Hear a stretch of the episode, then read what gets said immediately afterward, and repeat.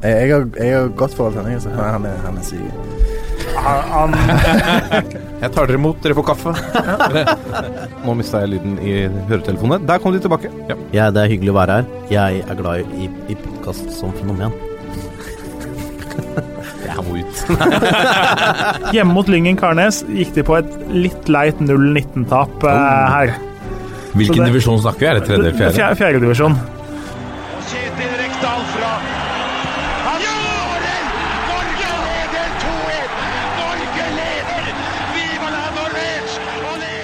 Og der er eh, Toppfotball tilbake igjen. Episode nummer 107. Og det går imot Altså går ikke mot sesongslutt, det er ennå lenge igjen. Vi er inne i en veldig spennende periode, både i Eliteserien, i Obos-ligaen, eh, eh, nedover i, i Kanskje til og med helt ned til niendedivisjon, hva vet vel jeg? Det vet kanskje du, Jørgen Kjernås. Velkommen.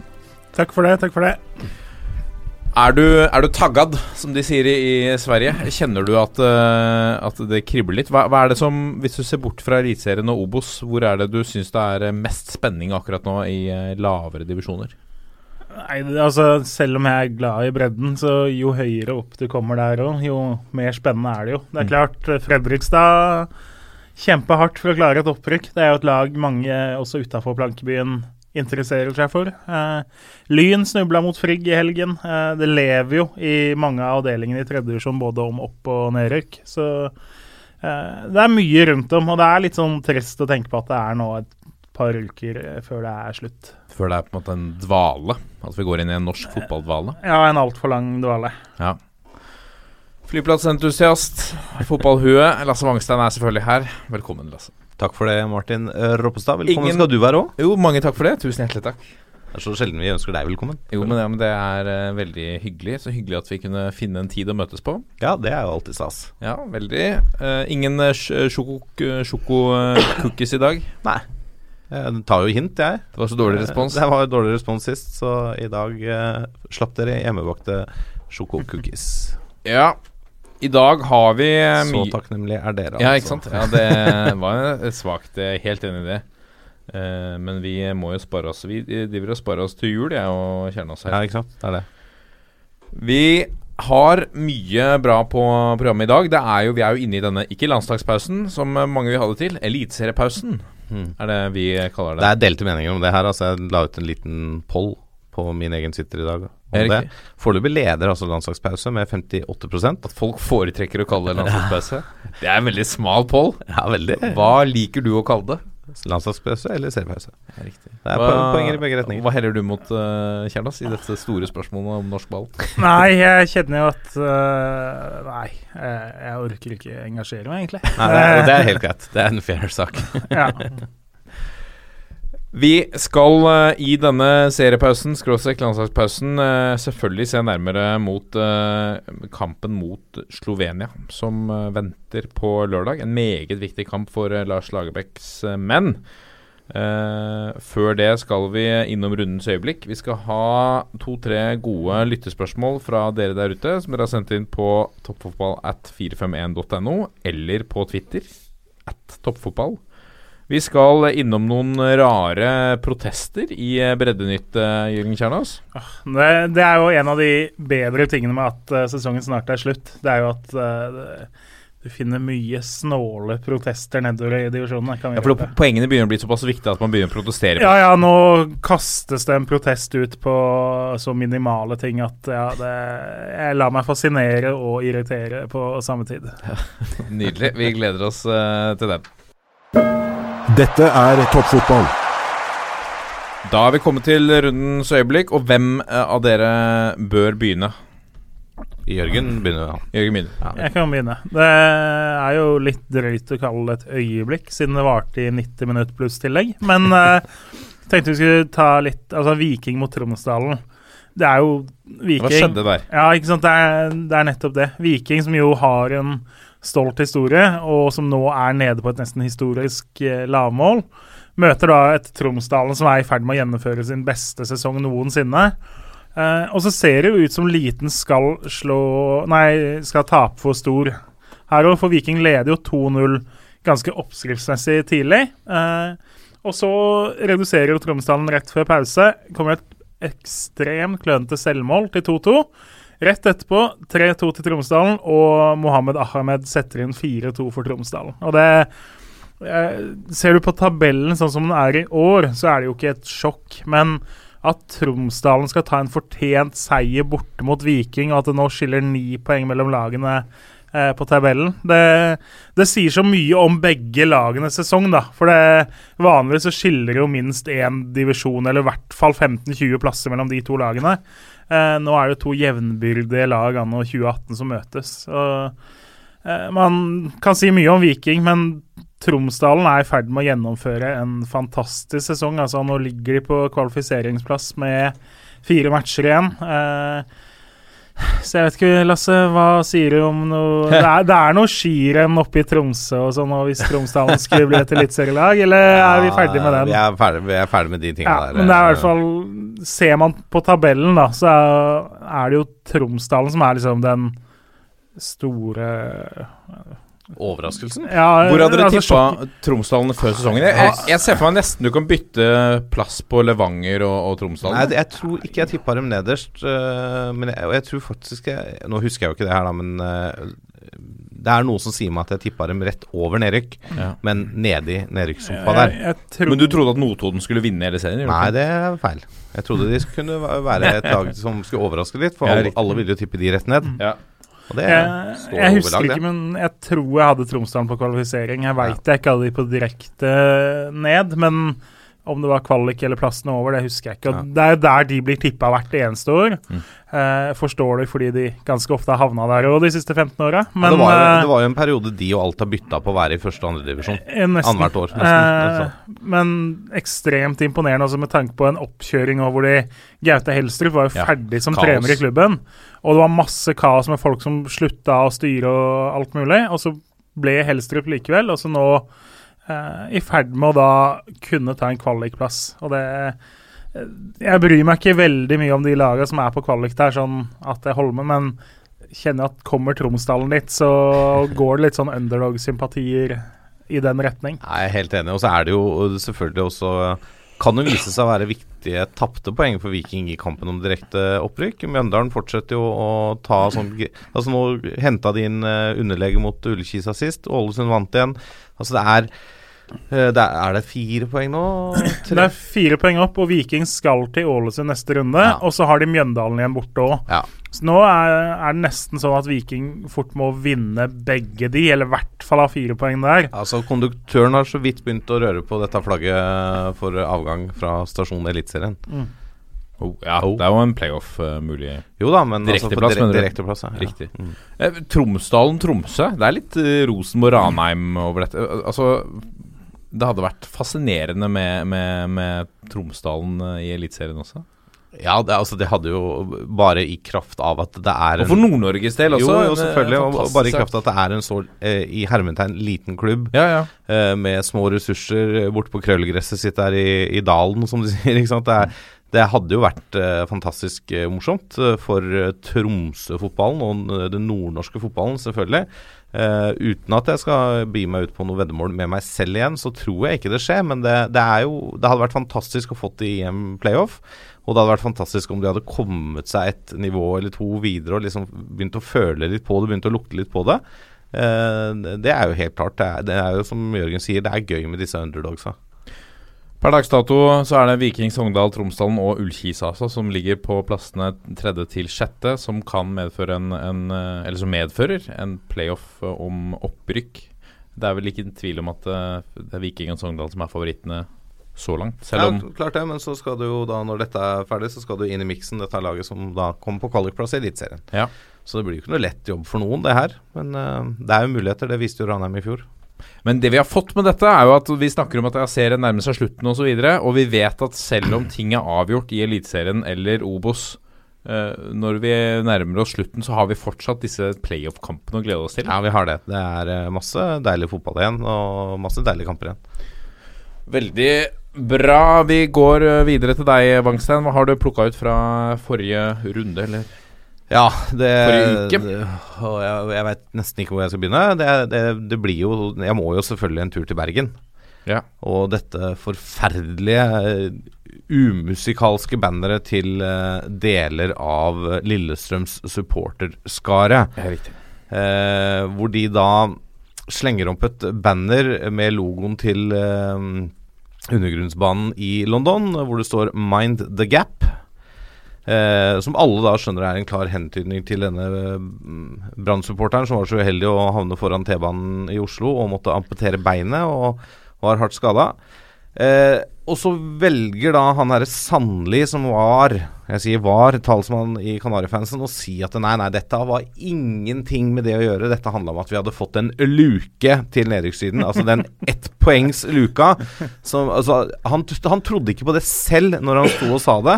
Og det, det, det, det, bare forsterka idiot, altså det idiotiske i hele saken. At han klarer å lire av seg det forbanna pisset i riksdekkende presse. Og så tenker du liksom Ok, nå gikk han og Tifo ansvarlig i Kanarifansen av da etter dette, og det skjønner jeg jo godt. For det Altså, én ting er at han driter ut seg selv, det får så være. Det, det får så, men han driter ut sin egen supporterklubb, og ikke minst sin egen klubb. Han, altså, han bringer vanry altså, over de to delene også, med disse uttalelsene. Og så tenker du liksom at uh, Ja ja, ok, nå er vi ferdig med denne saken. Uh, lagt, tilbakelagt uh, Uh, liksom, og vi moving on. Og da velger den politiske redaktøren i lokalavisen på Romerike, altså Romerikes Blad, å kjøre det som så fint heter på Twitter, 'Hold my beer'. Og smeller til med en kommentar i dagens avis som er altså nesten Altså, det er ikke verdt å kjøpe abonnement på Romerikes Blad for å lese den, for det er ikke verdt å betale penger til den blekka når de skriver det her og står for det her. Men han han skriver da blant annet at å la seg krenke har blitt den nye folkesporten. Sosiale medier fanger opp og sprer alle hendelser og reaksjoner som før kanskje ble oversett. Men ingen ble verken skadd eller drept av ytringen på Brann stadion. Fotballens skampletter er mange, men Mind the Gap blir i denne sammenhengen stående som en ubetydelig parentes. Og så henviser han da til en haug med mange tidligere eksempler på ting som liksom skal ha vært verre på tribunen, for å liksom forsvare dette banneret. Eh, og det handler liksom om hooligans og tribunevold og heiselkatastrofen, og det er hatoppgjørene Rangers Celtic.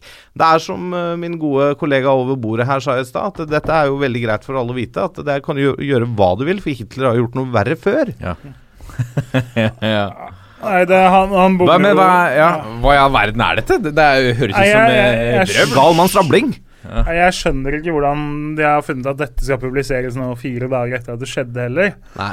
Eh, virker jo helt ute. Altså, og argumentet ja, men andre har jo gjort dumme ting, er jo aldri et argument for å gjøre dumme ting selv. Det, det funker kanskje i barnehagen, eh, men etter det så er det slutt. Og selv om noen vil mene at supportertribuner tidvis er barnehager, så det litt høyere standard der. Du kan ikke Og det er jo ingen i Kanarifansen som har liksom ymta frampå om at ja, men i England så synger de om flyulykker, liksom. Så derfor syns vi det er greit. Det, Og det, er, og det er jo ingen som syns det er greit heller. Altså, Nei, jeg for- opplever nei. at ah, supportere verden over har, et, har en grense hva kommer til. Man synger Ja. ikke Det er, ikke, det er frowned upon å synge om Hillsbro, man skal ikke synge om München. Eh, og, og du, liksom, når du begynner å tråkke inn på eh, folks liv og helse, og ting som har liksom ja, Jeg mener det, er, det, det bør være no go Ja, der. det, ja, det er det, og, og det er jo ikke første gang det har skjedd heller. Altså, dessverre, med Kanarifansen. De har jo bl.a. Uh, hatt bannere som henviser til en Vålerenga-supporter som akkurat hadde tatt sitt eget liv.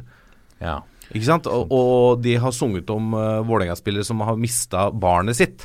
Da er vi Ikke sant? Det, det, det er så langt over streken, da. Men det forsvarer ikke det banneret her, som Ja. da selvfølgelig isolert sett er mye mildere enn å synge om noen som tar sitt eget liv, eller at noen har mista barnet sitt. Selvfølgelig. Men allikevel, det forsvarer ikke Og det, den der kommentaren er det, det er så idioti, og det er som Jørgen sier, og, og tar opp fire dager etterpå. Liksom. Nei, nå, vet du hva, den saken her må opp i lyset igjen, liksom. Er, jeg, jeg skjønner ikke hva han tenker med, jeg skjønner ikke hva de tenkte på når de lagde det banneret. For det er, altså det, er, det er platt, det er ikke morsomt.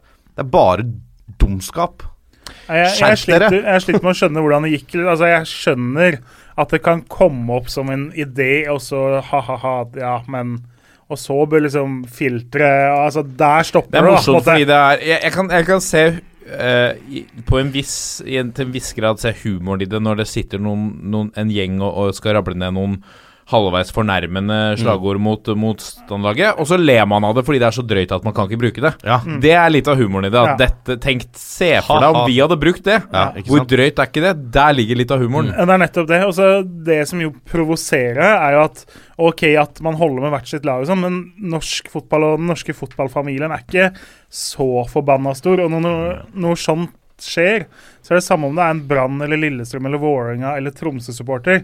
Da er det på en måte Da er det mennesket, da er det ubetydelig Det er det fotballfamilien, altså. Ja, da er det samme hvilken drakt det mennesket Ja, ja. liker å ha på seg på kamp. Uh, nei, jeg, jeg sliter med å skjønne prosessen her fra ha-ha-ha, nå har vi glemt dette, til at det faktisk ble et banner ut av det som man da Og så vil jeg jo berømme Brann, jeg, da.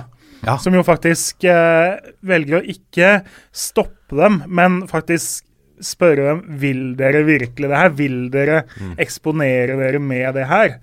Prøve den der litt altså ansvar for egen oppførsel. da. Mm. Eh, la folk få tenke sjæl.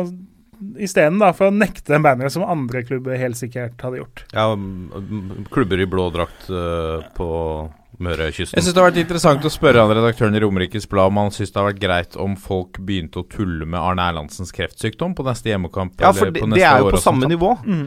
Eller at de hadde begynt å pipe mot en eller annen markering eh, Den markeringa som var på, på Åråsen. Ja. Altså, hvis det, hvis det er sånn vi skal begynne å holde på, så, Mm. er vi, så er vi på vei ned i et sted som jeg ønsker Det ønsker jeg ikke å være med på, rett og slett. Nei, nei, altså det, det, det hølet og det dypet som vi er på, på det nivået der Ja. Sånn, altså, Unnskyld, det, det blir for dumt, altså. Men det eneste altså, jeg kan møte dem på, er jo at det, det har jo blitt massivt.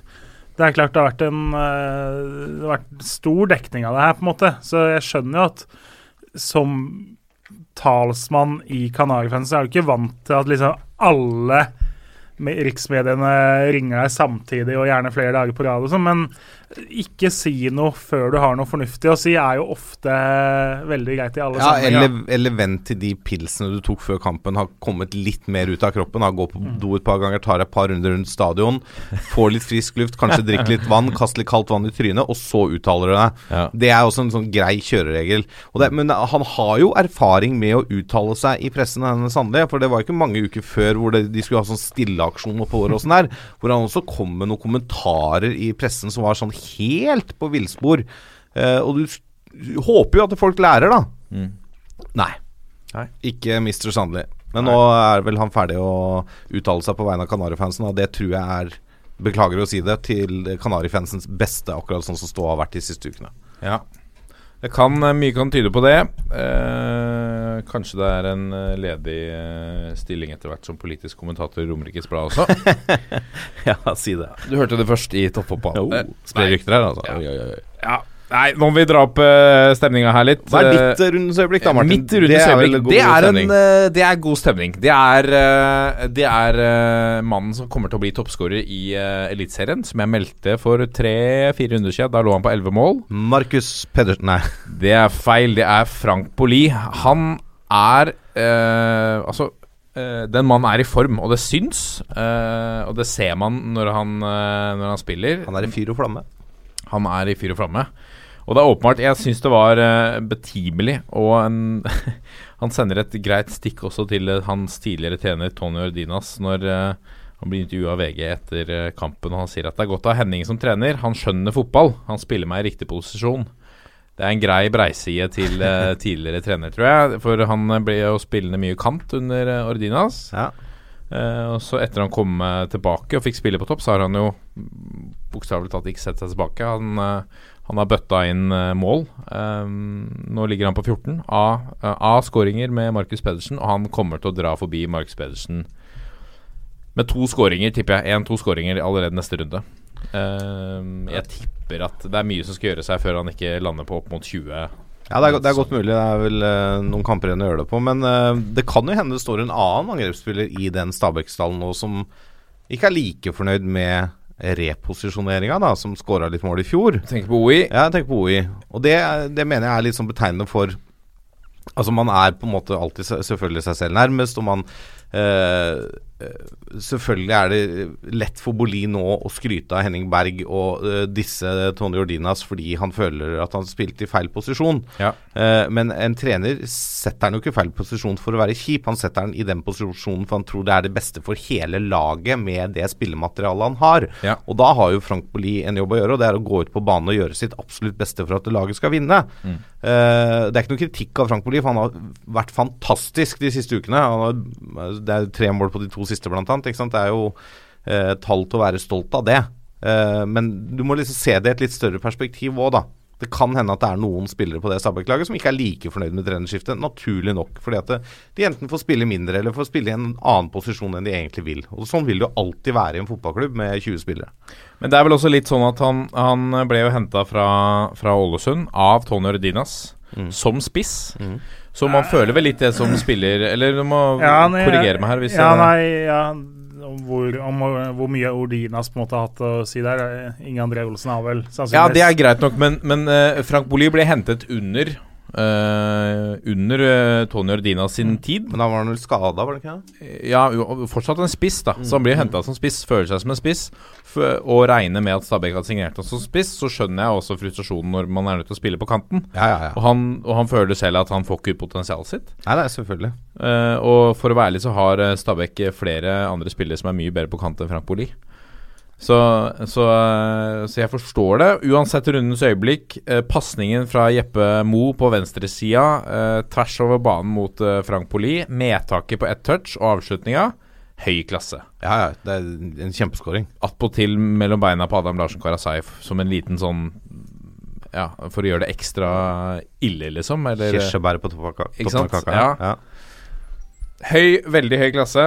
Ehm, jeg, som sagt, eh, jeg tipper han runder eh, 20, eh, og kan fort være mannen som gjør at Stabæk holder plassen, selv om de nå havna under streken pga. Start sin seier. Fri, var fristende å si Mathias Bringaker sin skåring to minutter før slutt òg, som jo eh, dro Start over, eh, over streken med 1-0-seieren der. Det er eh, altså livsviktig. Det er jo de 1-0-seierne der Rekdal eh, tipper jeg det er eh, Det er de han jakter nå ut hele sesongen. Ja, men tenk deg den følelsen nå, da skåre så seint i kampen. Ikke sant? Du har stått og stanga, og det kanskje ikke var Altså, Sarpsborg var ikke så dårlig i den kampen heller. De hadde masse sjanser, de. Ja. Men stå og stange, og så får du den på slutten, og klare å holde det inn og vinne. Den følelsen å ha med seg inn i garderoben og inn i de to neste treningsukene fordi at nå landslaget gjør at det blir pause i serien. Altså seriepause, seriepause, så er det Altså det er godt å ha med seg for, for et startlag som har en ganske tøff et, et ganske tøft kampprogram igjen, da. Ja. Så de trenger alle poengene de kan få nå, hvis de skal uh, spille Eliteserien i 2019. Dette er toppfotball. Da har vi kommet til lytterspørsmål som har kommet inn på toppfotball at 451.no eller på Twitter at toppfotball. Det er vi veldig glad i, må gjenta det. Det er mye kreative sjeler som er ihuga fans av norsk ball der ute. Så kom gjerne med forslag til ting som vi burde diskutere. Eh, ikke nødvendigvis spørsmål, men, men eh, denne uken så er det litt av hvert. La oss begynne med, med Oppsal-supporter som har eh, sendt inn en, et spørsmål. Han eh, sier som Oppsal-supporter har jeg ett spørsmål. Hva er regelverket for hva en annendivisjonsklubb må stille med? Både med tanke på lønn til spillerne. Han har hørt rykter om at det går eh, At det er snakk om minimumslønn og tribunefasiliteter og eventuelt andre ting. Jørgen, du, du eh, har jo litt oversikt over hva som skal til for å karre seg opp i divisjonssystemet. Er det, er det strenge krav for å spille i Post Nord? Nja, både. Og det er litt mer som kreves. Uh, men når det gjelder lønn, uh, nei. Det er ikke noe krav om uh, minimumslønn? Nei, er, du kan fortsatt ha spillere på amatørkontrakt i andredivisjon. Uh, så det er ikke noe krav. Det er heller sånn at uh, uh, Det begynner å bli vanskeligere og vanskeligere å klare seg i andredivisjon uten å hente spillere som krever penger, men det er fullstendig lovlig og mulig. Eh, når det gjelder ting med tribune osv., så, videre, så er det litt forskjell. Eh, blant annet så skal Altså det er mye må istedenfor bør, da. Sånn som i tredjedivisjonsreglementet så er det mye bør, i andredivisjon så må det. Uh, det er blant annet at banen i andredivisjon den kan minst være 64 ganger 100 meter. I tredje divisjon så har du lov til 60 ganger 100 meter, så du har lov til litt mindre brei bane i tredje div. Eh, ellers så gresset, hvis du har gressbane, så står det i reglementet for tredjedivisjon at uh, Skal vi se Gressets lengde bør på kamptidspunktet ikke være lengre enn 3,5 cm. Bør. Uh, bør. I uh, annen divisjon står det at gressets lengde skal på kamptidspunktet ikke være lenger enn 3,5. Og der var, det, der, der var det punktum da, for tredje divisjon. I andre divisjon står det i tillegg at gresset skal klippes i ca. 4-5 meter brede felter, vinkelrett på sidelinjene. Klipperetningen alternerer slik at spillebanen framstår som stripete på tvers, jf. skissen klipping av banen i vedlegg 5. Eh, så det er en fordel med, det er en fordel med kunstgress. Hvis ikke så bør du si, sørge for en lydhør eh, klippemann på banen din. En greenkeeper der. Eh, det er litt det samme med tribuner og eh, sånne ting også. Eh, at eh, arenaen som benyttes til kamp i 2. divisjon, skal ha minimum én tribune. Eh, det kan være sitte, stå eller kombo av de to. Skal ha plass til minst 200. Minst 50 av de skal egentlig være seter, da. Og så videre og så.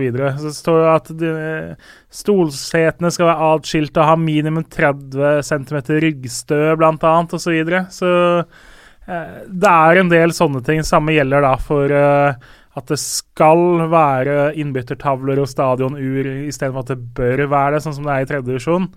Eh, og litt sånne ting. Eh, mer krav til TV- og webproduksjon, da. Eh, nå sendes jo en del tredjediv. Eh, men uh, i andredivisjon så skal du på en måte ha et opplegg, da, sånn at uh, de slipper å stå på tribunen av filmen. Du skal ha et eget område for at de får lov til å filme. I tillegg behandlingsrommet eh, som skal være. Det skal ha samme kravene som i tredje divisjon, pluss godt lys. Så i tredje divisjon skal han ha et uh, behandlingsrom for skadde spillere hvor det er litt sånn dunkelt. Det går ikke an i annen divisjon. Uh, og det skal være kiosk uh, istedenfor bør være kiosk. Så det, Det skal være kiosk, ja. det skal være kiosk i annen divisjon, så du må få kaffe. uh, så noen ting er det, men det er ikke noe sånn uløselig. Det verste for noen er vel egentlig det her med tribune. Mm. Eh, det finnes jo klubber i tredje divisjon som spiller på bane hvor det er uh, minimalt med det du kan kalle tribune, i beste fall jord, jordhauger. Så den kan jo være litt vanskelig for noen, men en tribune med plass til 200 stykker, og hvorav 50 skal sitte, det får du til å bygge i løpet av en vinter, Det er ikke mange paller du trenger der, altså. Nei, det er, det er en torsdag med dugnad, så har du det på plass, egentlig. Det er noe rundt drakter også. Jeg husker eh, Jeg mener det er noen bestemmelser som, som tilsier at du kan ikke ha Brune drakter. Nei, Ja, nei, det går ikke an, Bør altså. ha brune drakter eh, hvis, hvis du kan. Så bør du ha brune drakter. Nei, altså det må være forskjell fra motstanderlaget. Begge lag kan ikke ha hvit shorts, f.eks.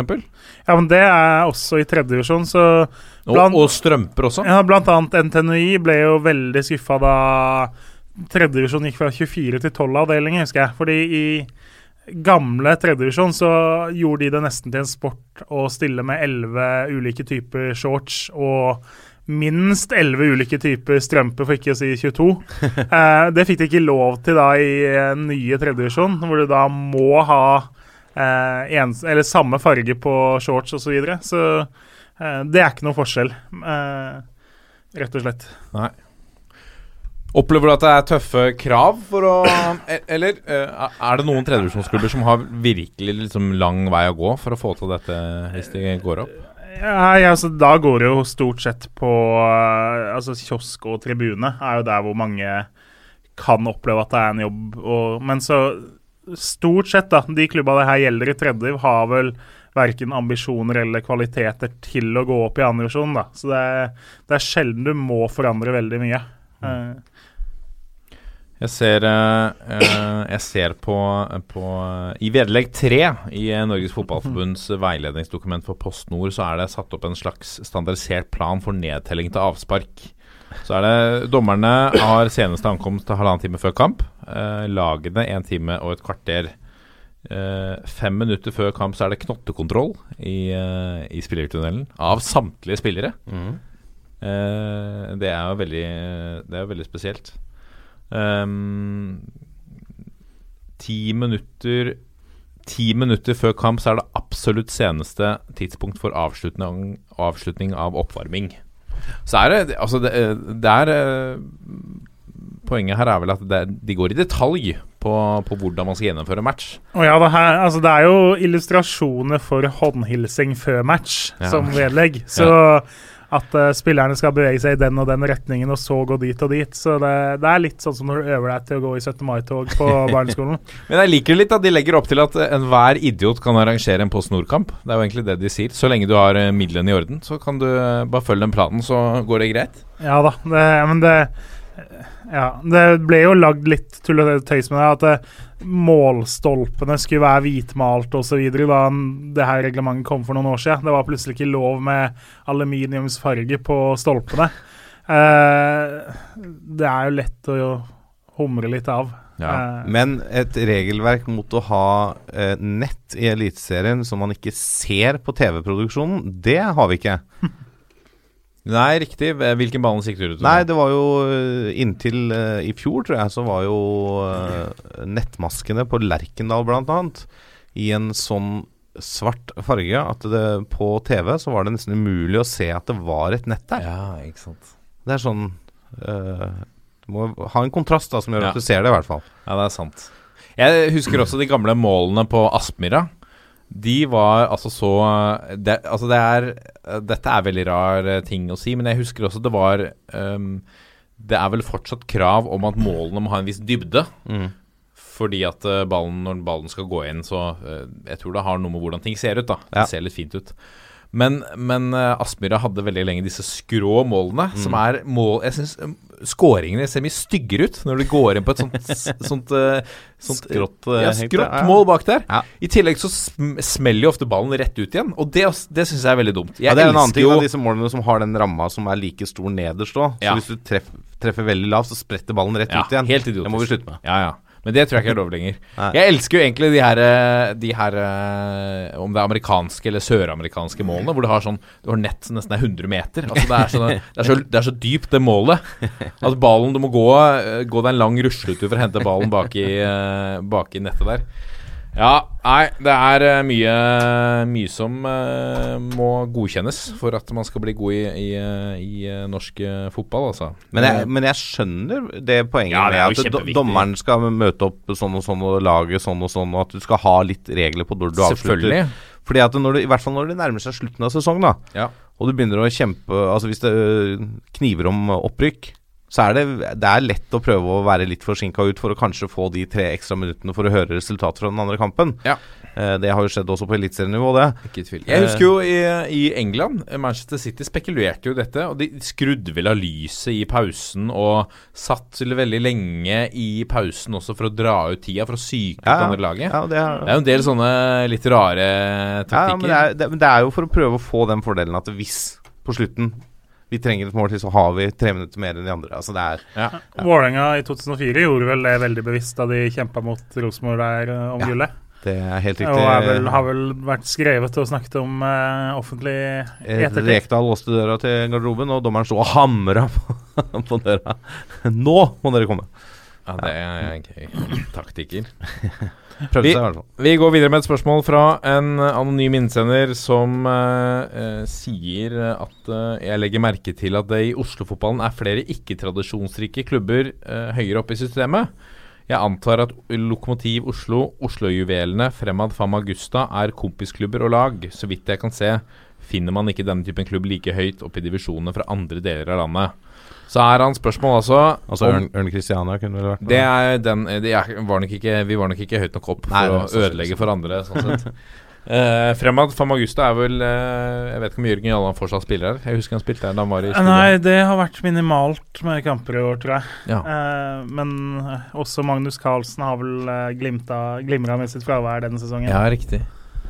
Eh, men ja, det, er- det er jo helt korrekt at man finner langt flere av disse klubbene i Oslo-fotballen. Men jeg Eh, kan ta, jeg kan ta ja. bare spørsmålet hans. Uh, han lurer på om den type klubbene, når de kommer opp på et ok, ni- ok nivå Eh, er de bra eller mindre bra for utvikling av talentene? For han lurer på om de får banetid, de får banetid og, og eh, han lurer på om gode spillere i disse klubbene ikke sperrer veien for, for talenter i klubbene med store Nei, de gjør jo ikke det, skrev han, samtidig som de gode spillerne ikke sperrer veien. Ja, nei, det er riktig. Men, han, men dette med banetid og Altså, vi, vi har en, eh, en sprengt banekapasitet i, i Oslo. Oslo. Er det hver gang et syvendedivisjons, syvende divisjons, sjette divisjons kompislag spiller en kamp, så kunne man Uh, isolert sett uh, sett at, at det har vært et eh, barne- og ungdomslag som spilte der?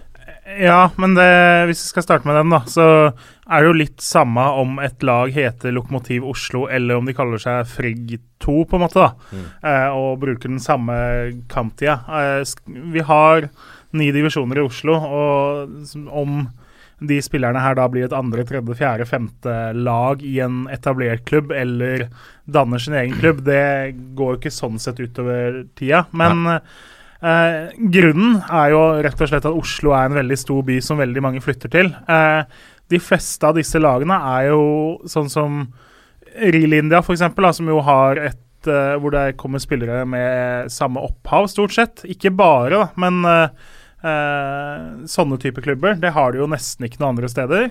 Og så har du sånn som de her som Fremad Famagusta, som egentlig er da Lillehammer folk fra Lillehammer som har starta, veldig mange fra Lillehammer som spiller i. Bøkeby var Larvik med samme. Lokomotiv Oslo er Sunnmøre, men har jo utvida og spiller jo til og med i tredjedivisjon. Eh, du har noen få andre steder også. Eh, MBK Domkirkeodden spiller jo fjerdedivisjon i eh, Hamar-traktene. Eh, de fikk mye pes da de starta opp i sjettedivisjon, for det da blei det starta av en del spillere som har spilt annen tredjedivisjon.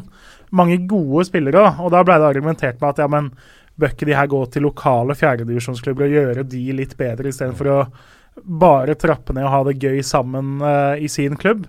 Uh, så de møtte jo litt motbør. Uh, I Oslo så er det på en måte ikke Det er ikke noe motstand mot det, men det er, det er klart man ser jo at en del av de lagene kan slite hvis det går litt nedover, da, og på en måte folk syns ikke det er så gøy lenger, eh, så blir det vanskelig å rekruttere nye spillere og holde det gående. Og vi har jo en programleder som vet at det krever jo mye å drifte et sånt lag, også eh, både økonomisk og hvor mye tid det faktisk tar, selv om vi da snakker lavere enn tredje-fjerde divisjon. Ja, det koster jo fort eh, Du binder deg jo fort opp til nærmere 40 000 bare i avgifter til fotballforbund og fotballkrets og alt mulig, så det jo, fordrer jo at det er en viss uh, interesse og en, eh, en uh, Du må ha en, en fast gjeng som mer eller mindre er eh, dukker opp på hver trening og hver kamp for at det skal være verdt det. Og treningstider. Og det er jo før man har begynt å betale for trening.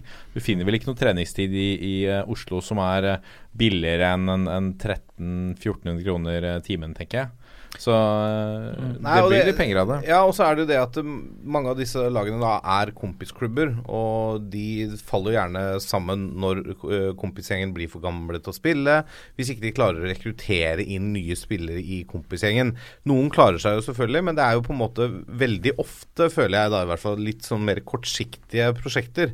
Og så kan du jo selvfølgelig argumentere mot det at ja, en- en kompisklubb da som går opp fra syvende til fjerdedivisjon, da, og så faller de sammen om bare Nei, vi kan ikke stille lag. Uh, så er det litt kjedelig for de som kunne hatt en opplevelse av å rykke opp til fje- fjerdedivisjon året før, da, med å vinne liksom femtedivisjon. Det, det er litt sånne ting. Men, men jeg syns jo det er fint at folk møtes og har lyst til å holde kontakten, og at de har lyst til å holde seg i fysisk aktivitet og spille fotball, som er en veldig morsom idrett. Så uh, jeg ser ikke noe feil med at det er sånn, i, spesielt i Oslo, da, hvor det er mange, som Jørgen sier, som flytter inn og man har, kanskje treffes over liksom, ja, fra hjemstedet, da. Og mange steder, altså nå har, Jeg har jo spilt studentfotball i Trondheim. Da hadde vi jo egen eh, liga i sjette divisjon med kun studentlag. Ja. Eh, var vel en 15-16-17 lag i avdelinga, som da var ulike eh, studieretninger som hadde sine lag. Eh, kjempemåte å bli kjent med nye mennesker på hvis du flytter til en ny by. Eh, helt sikker på at det Altså for folk som ikke hadde lyst til å bli med i en gjeng på Samfunnet, eller uh, ikke hadde på en måte noe annet sted å finne sine folk i byen. da. Det å få spille sjettedivisjon sammen med folk fra din studielinje, Uh, finnes jo knapt noe bedre måte å skape tilhørighet og vennskap på enn det. Ja. Uh, morsomste sesongen jeg har hatt fotballmessig, tror jeg. Ja. Så på mange måter. Nei, det er eh, Jeg er jo Det er vel eh, Fotballforbundets eh, Hva skal vi si ambisjon eller målsetning om flest mulig lengst mulig. Jeg stiller meg veldig bak den i, i denne sammenhengen at selv når du slutter å være talent, så er jo, skal det være plass for deg i, i, i fotballen. Det er det som er litt vakre med det. Og så ser vi jo også at, at det er en rekke spillere som plutselig begynner å blomstre når de bikker 20-årsalderen. Og etter hvert tar steg opp i høyere divisjoner også. Vi går videre til et spørsmål fra Sebastian Håvin, som eh, sier eh, Tenkte over toppstriden i eh, Eliteserien nå og Branns muligheter til å kappe inn på trønderne ved flere muligheter. Så har de misbrukt, misbrukt sjansene. Eh, derav problemstillingen. Har kjøpene i sommer eh, vært mer i panikk for å vise muskler? Har de bomma totalt og egentlig ødelagt mer i garderoben? Det er et veldig, veldig godt spørsmål, og veldig godt tima spørsmål. For det er jo helt klart at Brann har jo ikke tatt vare på mulighetene som Rosenborgs tap borte mot Molde og Rosenborgs uavgjort hjemme mot uh, Sandefjord har gitt. Altså Hadde Brann gjort jobben sin i de to kampene som de da spilte etter eh, de visste resultatet i Rosenborg-kampen, eh, så hadde de jo vært foran per nå. Mm. Eh, så det er vanskelig å si. Altså Brann følte vel at uh, nå har vi økonomi. Nå har vi muligheten til å på en måte fylle på litt for å få litt bedre bredde i troppen og få litt mer kvalitet. Og Så kan du si at Dauda Bamba ikke har levert og prestert som man kanskje håpa og eller trodde. Eh, men det er klart, når du blir henta for ni millioner, eller hva det var eh, Sannsynligvis eh, god, god lønn. Det er en del press på de skuldra til Dauda Bamba. Sånn er det. Det er en helt ny klubb. eh, Det er nye omgivelser, det er nye lagkamerater. Det er ikke alle spillere som går inn og dominerer sitt nye lag fra dag én, uansett hvor mye det koster. Mange spillere trenger litt tid på tilpasning. Kan hende at Dauda Bamba er, kommer til å bli fantastisk for Brann neste år. Det tror jeg, for han har jo vist tidligere at han er en strålende eliteseriespiss. Så er det klart at eh, tapet av Sivert Heltene Nilsen på midtbanen, det merker Brann. Mm. For det, ja, de har to veldig gode stoppere i Acosta og Wormgård. Eh, men det skjoldet han var foran stoppeparet, det var nesten uvurderlig. Altså, fordi han, han ble som en tredje forsvarer et, Altså, eh, Ruben Yttergård Jensen, veldig bra fotballspiller. Nå har jo han begynt å tilpasse den rollen enda mer, syns jeg. da Jo da, for all del, men han er fortsatt ikke like god som Sivert Helten Nilsen i den dype rollen til Brann, sånn som Brann spilte i vår. Uh, Sivert Helten Nilsen har bet betydde mye for Brann i vår, og er et stort tap for Brann. Uh, de får litt andre kvaliteter med Ruben Yttergård Jensen, og det er Så jeg, jeg, jeg føler det er kanskje den største feilen, hvis vi kan si det sånn, Brann gjorde i sommer, det var at eh, de lot han gå, da. Ja. Uh, per uh, Og det er jo et ikke-tema i. Bergen. Det er Ja. vi jo ferdig med. Nei, det vil vi ikke snakke om, selvfølgelig. Nei. Det skjønner jeg jo. For det, det er jo bare å se på resultatene før og etter. Ja. Så er det helt åpenbart at han betydde mye. Og han betydde mye for tryggheten bakover. Uh, han skapte trygghet for stopperne, for de visste at de hadde han som en sånn ekstra kriger, eh, kriger der, da. Så Men er de nødt til å kjøpe en ny Sivert Helt Nilsen, eller kommer Ruben Yttergård Jensen til å vokse seg inn i den rollen og være god nok til at Brann kan kjempe om gull også i 2019? Det er vanskelig å si, for det, det er jo litt forskjellige spillertyper, litt forskjellig fysikk. Eh, litt forskjellige eh, personer. Altså personligheten på banen. Altså, alle, altså hvis du, Når du har sånne saker i oppkjøringa, hvem er den verste spilleren å møte, hvem er han som kjefter mest på dommeren og medspiller og motspiller og sånn, så er alltid Sivert Heltene Nilsen på den lista. Han er en ordentlig for, å sitere folk fra lenger Nordlandet, en ordentlig hestkuk. og det kan jo være positivt òg, men altså Han, han er, er litt sånn drittsekk, sånn som du hater å ha på motstanderlaget, og elsker å ha på ditt lag. Ja. Smeller til i dueller, er gjerne litt for sein av og til. Kjefter på dommeren, kjefter på medspillere, og, og, um, og engasjerer medspillere. Ikke sant? Og drar opp medspillere. Får, han, er, han går foran, er en sånn kapteinstype. Men er det mer den rollen de har savnet enn øh, Hvis du setter de to tingene opp mot hverandre, da. eh, hans eh, posisjon på banen og måten han utfylte den rollen som et anker foran stopperne. eller hans lederegenskaper og, og den som går foran i krigen. For, for der er vel ikke Ruben Utgaard Jensen er ikke helt Nei, samme det det type med samme energi. nei, jeg mener at det der er jo på en måte en kombinasjon av de to, da. Som gjør at Brann ikke fremstår like solide nå. Ja. De mangler den typen, og de mangler den spillertypen. Uh, så det, og da Da vipper jevne kamper i feil retning. Da får du uavgjort i kamper du burde vunnet. Og så slipper hun et mål på slutten mot Lillestrøm i en kamp du burde ha låst av og vunnet, ikke sant, og heller kontra inn en 2-0 på, da, for, for eksempel. Det er, og det kan koste dem gullet. Nå kommer pulsen. Da er vi kommet til pulsen, og vi har én sak eh, på pulsen i dag. Vi har jo veldig mye annet vi skal snakke om. Uh, Kan man kalle det kortpuls? en kort eh, puls, en, et slags blaff. Ja. Eh, vi har fått en, en eh, hovedterminlista. Altså, vi har fått vite når seriestart er, og når serieslutt uh, finner sted. Hva er uh, de første tankene, Jørgen Kjernås? At jeg skjønner at diskusjonen er viktig for mange. Eh, for min del så er det litt mer sånn prinsipp enn at det er totalt alfa og omega. Om vi starter i midten av mars eller slutten av mars, og om vi holder på til siste uka i november eller en uke til, eh, har ikke så mye å bety, syns jeg, da.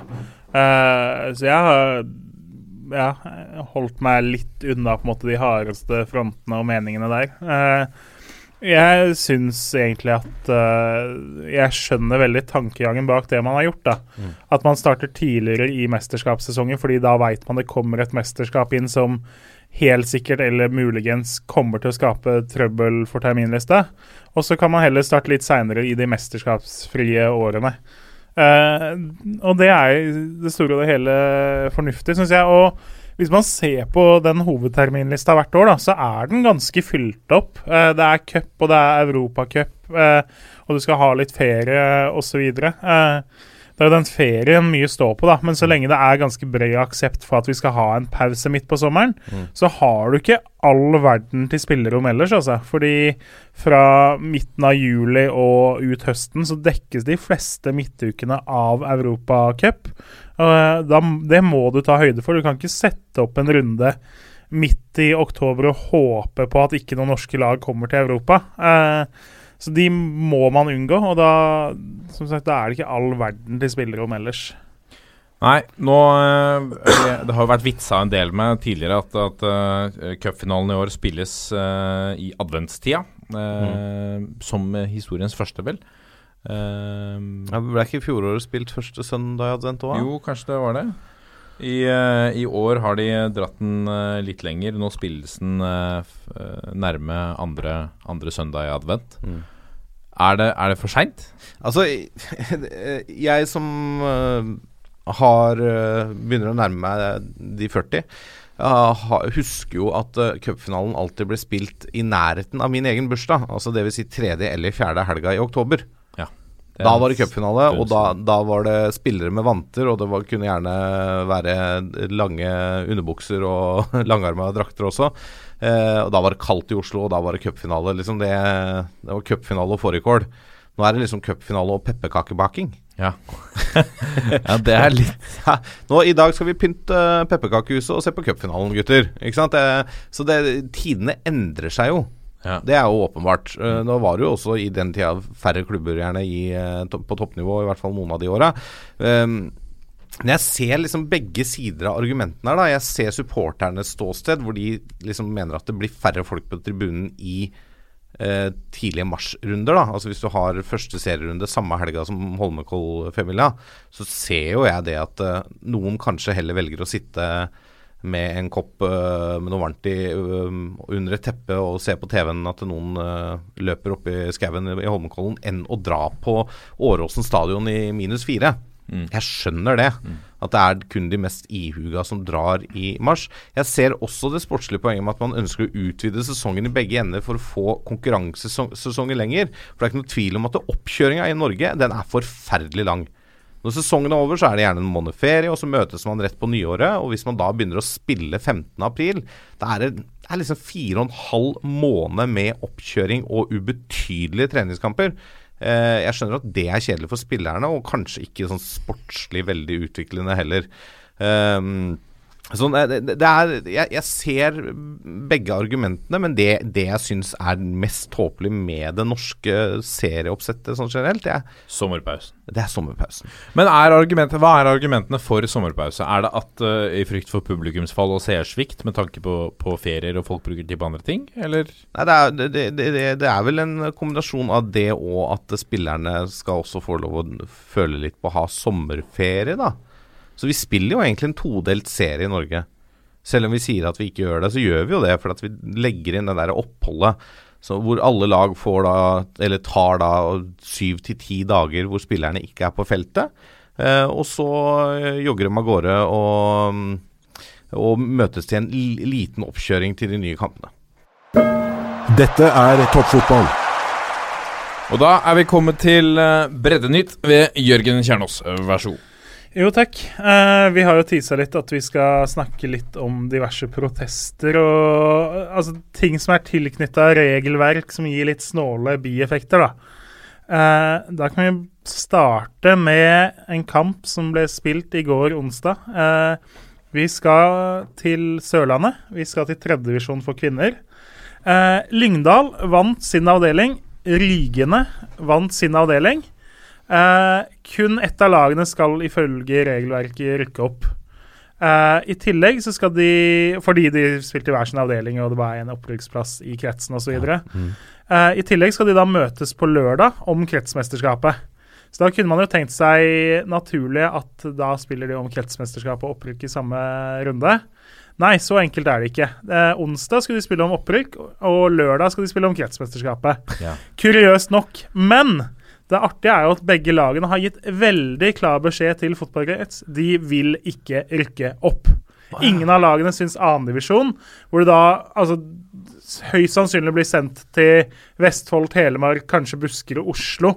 Altså Vi snakker bussturer på fem timer hver vei. da. Eh, det er ikke noe lagene kunne tenke seg. fordi som lagene har beskrevet selv, det ene består av jenter, altså hvor mange ikke er fylt 18, og det andre er en gjeng med husmødre. De trives i tredjedivisjon. Eh, så da kunne man jo tenkt at ja, ja, da dropper vi denne opprykkskvalifiseringskampen. Nei, den var terminlistesatt, eh, mente NFF avdeling Søre da, Agder. Eh, krevde at denne kampen på nøytral bane skulle spilles. Ikke snakk om noe annet. Så de to lagene gikk på banen for å spille en kamp eh, om opprykk som ingen av lagene ville ha. Det er altså Snakk om å være firkanta, da. Og når de da i tillegg skal møtes lørdag for å spille om eh, kretsmesterskapet, da. Altså ja. Det er jo fristende å spørre om liksom de vurderte å spare spillere til For kretsmesterskapet henger jo sikkert litt høyere. da, ja, ja, opp. altså, den kampen betyr jo litt. Ja, Hadde de bare lagt altså, kretsmesterskapet betyr også opprykk, da? Ja, ja. Så er liksom OK, hvor lite lyst har vi, har vi lyst til å vinne kretsmesterskapet? Ja, ikke sant? Hvordan gikk det? Uh, det ble 4-3 til Lyngdal. Uh, jeg regner med at det var syv selvmål i den kampen. jeg, Så jeg, jeg satt, tenkte det hadde vært fint med odds på selvmål i en sånn kamp. Da hadde det bare dytta penger. Men eh, de kommer vel til å si fra seg opprykk, og det ordner seg jo sånn sett. Men eh, det, er, det er jo byråkrati på sitt mest firkanta. Oi. Eh, ja. Eh, og det er klart for Lyngdal, som da dro altså, til Flekkerøy i, i Kristiansand og for å spille kampen i går, det ikke Det tar jo hele kvelden, da. Eh, Men i utgangspunktet er det ikke veldig spesielt å legge en, en La oss si at begge disse lagene ønska å rykke opp, da. Er det ikke Ja. veldig rart for publikumsoppslutninga å legge en opprykkskamp på en onsdag, eller? ja, jeg er litt usikker på publikumsoppslutninga sånn. Ja, men Ja, men ja, Du, jeg du gjør det ikke noe bedre ved å legge Nei, det en onsdag kveld altså, er en opprykkskamp? Jeg, jeg syns jo sånn på generelt grunnlag så er det jo oppsiktsvekkende at du velger å ha opprykkskvall og eh, kamp om eh, å vinne kretsmesterskapet hver for seg. Mm. Aldri hørt om før. Det er godt mulig det er vanlig, men da har det glippa for meg, rett og slett. Så nei, det, det er lov å bruke å si, sunn fornuft, og den kampen burde vel ikke vært spilt. Men det, spilt ble den. Da, ja, så da hadde vi det. Eh, tenkte vi skulle snakke litt om protester. Det er så mye rart ute og går. Eh, grunnen til at jeg begynte å tenke på det, var jo at eh, i 7. divisjon Akershus, hvor jeg og Lasse jo bor, så var det en ganske spennende eh, kamp om opprykket helt til eh, siste slutt. Eh, hvor da Søndre Høland og Blaker 2 møttes internt. Eh, I tillegg så skulle da Holter, som jaga de to her, møte Fjellhamar 2, som lå rett bak dem. Uh, Fjellhamar 2 hadde ikke mulighet til å sikre seg opprykksplassene, men uh, tredjeplassen kan være verdifull fordi Nittedal er ikke sikkert stille lag neste år, og da kan tredjeplass gi opprykk òg. det endte i hvert fall med at Holter tapte 1-2 på overtid da, for Fjellhamar 2. Eh, de måtte ha et mål på slutten, slengte alle framover og fikk én i sekken isteden. Uh, så da Søndre Høland og Blaker 2, som spilte uavgjort, rykka opp. Så kommer protesten, da, som eh, lokalfotballen har skrevet om. Eh, fordi har du missa opprykket på målstreken, så er det jo fristende å lete med lys og lykter etter noe som eh, gjør at du får sjansen isteden. Hva tror dere Holter eh, mente de skulle protestere på? Nei, nå er jeg er spent. klart nei da, her var det feil draktnummer. Det var, det var drakt Altså, det var en med drakt nummer 91 som det, Han hadde ikke drakt nummer 91 på eh, kamprapporten. Men det var samme spiller. Ja, altså navnet var på der, men de hadde ikke fått teipa drakt og sånn, så det Og det Jeg skjønner jo at har du mista opprykket i siste slutt, så vil du liksom lete etter et eller annet desperat, men å klage på at noen ikke har den samme drakta i syvende divisjon som det det står på dommerkortet, det Altså, det er du, du er også villig da til å Ja, nei, ok. Det, jeg, jeg, det her skjønner jeg ikke. For at du er da altså, villig til å fremstå som verdens dårligste taper og verdens største sutrepeis for å sikre deg et opprykk fra syvende divisjon. Skal jeg fortelle dere en, eh, en liten historie? Ja, nå er jeg spent, altså.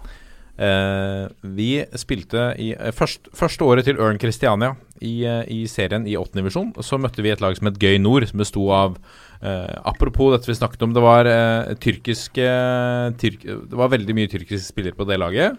De rykka opp, herja med alle, og rykka opp og eh, lå vel til slutt i femte divisjon. Nei, nå er det er jo klubben til Josimar-redaktør Ja, Frode Lia, som nå heter Christiania BK. Ja, byttet De har, de har tatt over den uh, posisjonen. Stemmer. Men så, uh, etter at de hadde rykka opp, da, så var jo vi fortsatt i seriesystemet.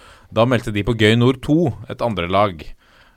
Og stilte etter hvert Det vi, vi fikk høre, var at de stilte med eh, Stort sett hele førstelaget spilte på andrelaget. Mm. Eh, og det er ikke lov å flytte over alle spillerne til andrelaget. Når du har et femtedivisjonslag, så utgjør det en ganske stor forskjell opp mot eh, åttende divisjon. Og vi var jo eh, Vi, var jo, vi ønska jo å rykke opp, eh, så til eh, så var det en type seriefinale. Vi fulgte hverandre hele veien i sesongen. Vi tapte mot Gøy Nord 2 på våren. eh, og så var det denne nest siste kampen i serien, hvor vi møtte da Gøy Nord 2 til seriefinale på Ekeberg. Da mistenkte jo jeg selvfølgelig at de kom til å stille med hele førstelaget, så det jeg gjorde var å dra på Gøy Nord førstelagskamp, eh, som var dagen før, for å se hvilke spillere de stilte med. Tok med meg et speilreflekskamera og tok bilde av samtlige spillere som spilte der. Hvorpå, når jeg står der og tar bilder, eh, så er det enkelte av spillerne på banen som mister fullstendig fokus på ballen og begynner å stille meg rasende spørsmål. Hvorfor tar du bilder? Hvem er du? Hvor kommer du fra?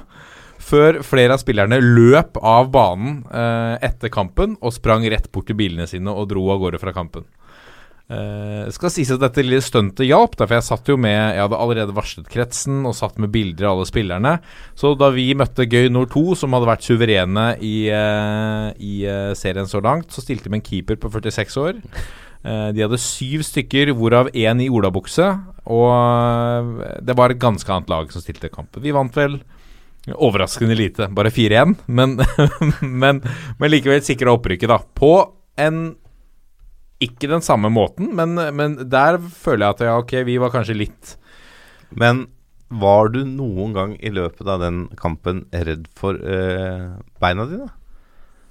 Nei, men det var ikke de samme De hadde jo hentet inn uh, alle Jo, men noe slags fortalt at han, Han på høyrebekken der han på høyrebekken, han, han ja, bør dere han, han Det er sant. Nei, men jeg var sjelden redd for eh, Jeg har hatt mye grunn til å være redd for beina mine, sikkert, i løpet av min fotballkarriere. Men eh, Er du en drittsekk på vann? eh, kan hende jeg er en sånn type som det er bedre å ha på lag enn mot. ja, ok, riktig.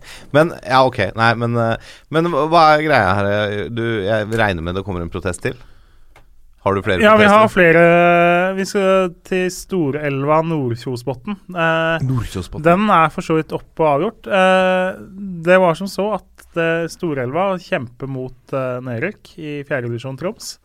Eh, I Troms og i landet for øvrig kan det jo være litt skiftende vær mot slutten av sesongen. Eh, snødde noe fryktelig dagen før kamp, med det resultatet at banen var ikke måka og klar til kamp lørdag formiddag.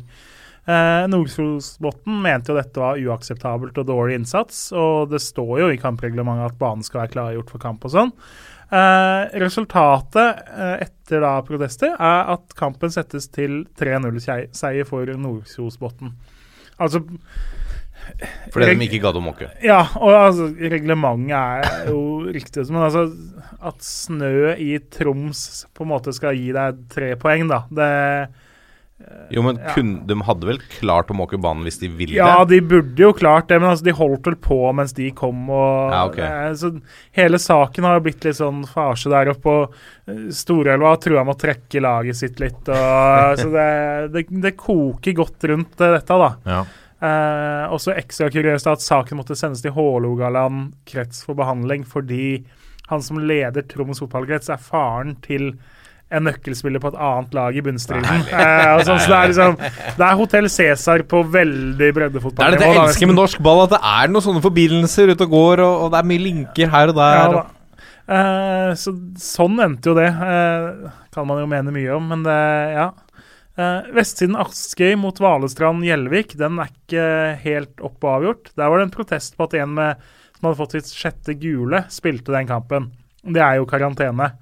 Eh, så ble det hevda at ja, men det stemmer ikke at eh, han fikk det sjette gule i den kampen. Og nå er det fjerna på fotball.no. Men på den signerte kamprapporten så står han huka av med advarsel. Eh, det har de altså signert på at er greit, og da har du på en måte Godtatt det? Da har du egentlig godtatt et gult kort til han, Ja, så lenge du signerer kamprapporten. Så det er jo mer Den er ikke så kuriøs, for det skjer jo at den Mm. krysses av feil på. Men tips til alle der ute som er oppmenn og trenere og hjelpetrenere på lag. Altså, Sjekk om de gule korta stemmer, da. Fordi egentlig Først og fremst se på kampen, og deretter Se på kampen, og så ha litt oversikt over det før du skriver under, da. Fordi ja, du har egentlig lite du skal ha sagt så lenge du har signert på den, altså. Ja. Men her gikk det altså greit? Var det fordi han kjente noen Nei, systemet? den er vel ikke helt avgjort helt ennå, så det var som om det blir altså, fratrekk eller ikke. Det, en annen ting du må huske på, er å betale i riktig tid og å eh, sende klagen på riktig måte. Støren møtte Nardo 2, hvor da kampens eneste Støren, Trondheimslag. ja, sør for Trondheim. Ja. Uh, møtte Nardo 2. Uh, kampens eneste målskårer skulle ha stått over med sitt fjerde gule. Og de huka for protester sånn, men glemmer da bl.a. å betale protestgebyret innen riktig tid. Så istedenfor å få 3-0-seier, så blir resultatet satt til 0-0 og 0 poeng til begge lag. Hva? Ja. Fordi de tapte jo egentlig kampen, så, du, så lenge du Ja. ikke har protestert riktig, så får du ikke poengene. Nei. Men kretsen kan gå inn og ta fra det andre laget poeng. Det var jo det samme som Lyn eh, skjedde med i fjor. Eh, du kan ikke omgjøre resultatet, men du kan eh, Så lenge ting ikke er protestert på riktig, men du kan trekke laget som har gjort noe feil, for protest likevel. Ok, ja. Uh, Men det andre laget får ikke noe det andre laget får ikke noe så lenge de ikke har protestert på riktig måte. Og for Støren så betyr jo det, betydde det at de gikk fra å kunne ha en minimal sjanse til å bergeplassen til å ikke ha sjans. Fordi de da hadde glemt å protestere på riktig måte. Kostbart, med andre ord. Det var kostbart for dem. Eh, siste vi må ta opp, er en protest. Det var vel også på noen gule kort og sånn oppe i eh, Lofoten, hvor Blest eh, hadde en spiller som skulle vært eh, suspendert. Eh, og så er det litt sånn at det, man må jo prøve seg med det man kan for å slippe å få omgjort en seier til 0-3, da. Så Blest har i eh, sitt uh, svarskriv til kretsen bl.a. notert at et eventuelt poengtrekk til Ble- Blest vil føre til at vi mister en mulighet til å bli seriemester. Kjipt for dem. Noe som deretter vil være et skuffende nederlag når IL Blest feirer 50-årsjubileum. men det er klart, den er litt tynn. Ja, men klubben er 50 år i år, så da bør det ja, Det er et langskudd. Oh. Det er et skudd fra over midtbanen, eh, kan vi vel si. Jeg ser for meg at motstanderen hadde blitt litt irritert hvis kretsen hadde begrunna at nei, resultatet blir stående siden IL Blest er 50 år i år. Ja, de må tross alt få Litt usikker på om Jon Christian Elden hadde godtatt den hvis han var advokat i denne oh, saken. Så Men er det sånn, du som følger med på bredden, at det kommer mer tullete protester mot slutten av sesongen? ja, definitivt. Det er ikke tvil om. Uh, det er jo andre lag. Nordstrand rykka jo opp til slutt nå. Eh, I tillegg så kan vi skyte inn at de vant jo faktisk Interkrets i dag. Ja. Imponerende nok. Men i jakten på opprykk fra fjerdedivisjon så sendte de vel inn fire protester mot slutten der. De virka som noen på klubbkontoret brukte mer tid på protester enn andre ting eh, utover høsten. For det, ja, det var, En av dem gikk gjennom da mot Heming, som gjorde at Heming forsvant ut av opprykkskampen delvis. Eh, protesterte mot Manglerudstad, som de kjempa mot om det er opprykket. Og det jeg, jeg skjønner jo, men det er klart det, det er ikke det mest sjarmerende å gjøre heller, da. Nei, ikke, I hvert fall ikke hvis du legger inn protester på veldig svakt grunnlag. Da du liksom bare prøver og håper det går gjennom. Liksom. Ja, De hadde jo bl.a. en mot Manglerudstad hvor en spiller fikk gult kort, og så var det hans fjerde. Ja, Og så fikk samme spilleren direkte rødt kort ja. i samme kamp. Og de mente da at han på en måte skulle sone karantene for det røde, og så for det fjerde gule og sånn. Så det var jo en litt sånn juridisk uavklart uh, variant. Skal han sone én eller to kamper her? Ja. Uh, så Men litt, det direkte røde erstatter jo det gule. Ja, og det er vel det kretsen landa på. Og I tillegg så hadde Manglerudstad fått skriftlig av kretsen beskjed om at nei, han skal sone én kamp etter, den, Mm. uh, etter de kortene her. Eh, det hadde de fått klart svar på. Så for, hvis han får ett gult kort da i neste kamp, så må han sone kampen etter. Ja, stemmer. Ja, Eh, Jeg skal jo Nei i kretsen, jeg, vet. Ja da, så det er, det er mye snålt. Uh, fra før av så har en damekamp i vår hvor Innstranden 2 møtte Halsøy, som da sistnevnte mener da at de midtveis i andre gang hadde begynt å telle spillere og fant at Innstrand 2 hadde tolv mann på banen. Eh, noe de da mente måtte ha skjedd i hvert fall siden pause. Så Det er fantastisk. De derimot hadde ingen med speilreflekskamera på sida til å knipse bilder, da. Så eh, Men mente de at de måtte ha hatt tolv spillere, eller Nei, de hadde, mente at det var tolv spillere da, og så okay. sa Og det var det tydeligvis, da, men Ja. Innstrand mente det hadde skjedd ved bytte et par minutter tidligere. At de hadde bytta mange, og så hadde da tre gått ut og fire inn, eller et eller annet sånt. Uh, så ja. Uh, snodige episoder skjer jo, og eh, interessant å lese noen av de. Dette er toppfotball. Da skal vi se nærmere på neste landskamp. Lars Lagerbäcks menn møter på lørdag landet med to millioner eh, innbyggere, hvor 4,5% av innbyggerne er birøktere. Ja, Såpass? Det visste dere ikke. Nei, det visste Det ikke. er mest sannsynlig eh, den, altså, den høyeste tettheten av birøktere i verden må Ja, være. eh, av liksom hele, inkludert barn og pensjonister og sånn. 4,5% av uh, Altså det er eh, det rapporteres, rapporteres her om, om 90 000 eh, Ja. bi, birøktere i en befolkning på, på to millioner. Fantastisk. Det er jo eh, Det må vi si er intet annet enn imponerende. Eh, så det er Ja. eh, et stort satsingsområde altså i, i Slovenia. Um, Statistisk sett, da, nå er, så skulle jo egentlig en av de som er i troppen til Norgekampen, vært uh, birøkter, rett og slett. Det, du skal ikke se bort fra at det kan eh, stemme. Kan det hende at eh, birøkting er liksom den mest populære hobbyen i Slovenia? da? Det kan være. At det er den og, og kanskje fotball. da Ja, ja, ja. I tillegg så fant de opp hjulet. Å, Det er jo ganske greit For en, eh, for en nasjon som er eh, Som eh, vel bare er da Altså Det var vel i 91 hvor de, hvor de løsrev seg fra Jugoslavia. De fant ikke opp hjulet i igjen. Det gjorde de absolutt ikke. Men, men Og det er usikkert om de fant opp hjulet, men det eldste hjulet som er funnet, er funnet i uh, Jubliana, i hovedstaden i, i Slovenia. Uh, hvor uh, radiokarbon-etterforskning tilsier at eh, alderen på hjulet er 5150 år. Altså det eldste hjulet som er funnet. Ja, så da, Så i hvert går fall vi, tidlig ute med hjul, da. da kan vi ikke bruke den på lørdag hvis det er en spiller på Slovenia som driter. Da kan vi ikke si han fant ikke akkurat opp hjulet. Det var han nærmere. Hans slekt. Han var nærmere enn eh, noen andre på den banen, sannsynligvis. Absolutt. Ja. absolutt. Ja. Eh, Spesiell uh, fun facts du kom med her? Jo, eh, bare hyggelig. Det er jo et land, forholdsvis ungt land, med en, uh, med en kort fotballhistorie. Det er jo et land som nevnt med, med to millioner innbyggere. Hovedstaden er på størrelse med Bergen, i nesten akkurat på størrelse med Bergen. 278 000, uh, ca. 800 innbyggere, med, med Bergen på, på 278 000 også, ifølge mine tall. Um, lagets store stjerne Jan Oblak er ikke med i troppen som reiser til Norge. Han har vel takka nei, har han ikke det? Ja. Det er tatt seg en pause, i hvert fall. Ja, han er i hvert fall ikke Han står ikke oppført i, i de- de ti stedene jeg har sett det- som, som retired, men uh, Men det er vel en, Altså, det, det må kunne sies å være en, en grei fordel for Norge. Ja, altså, han, han har tatt seg en pause, eh, rett og slett, fra For å drive med bier, eller? Ja, det kan jo hende at det, det er det. Men det har vel vært snakka om en konflikt der som uh, mulig årsak. Det har i hvert fall ikke vært sånn Det har vært litt diffust, sånn jeg har skjønt det, på hvorfor han ikke er med. Ja, altså Jan Oblak er jo en av kanskje verdens ja, Han er i hvert fall på topp ti-lista over verdens beste keepere, kanskje topp fem og til tider. Ja. Så det er klart at det er jo et um, Altså en, en kjempenedtur for Slovenia at han ikke er med og bidrar.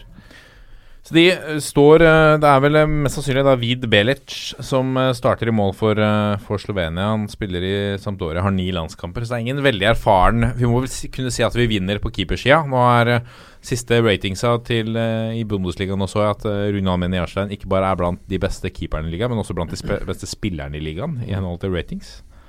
Uh, fikk vel to, uh, karakteren to på, på skalaen fra én til ti av et av de større Det er da En er best. ja, det er da én er best, ja.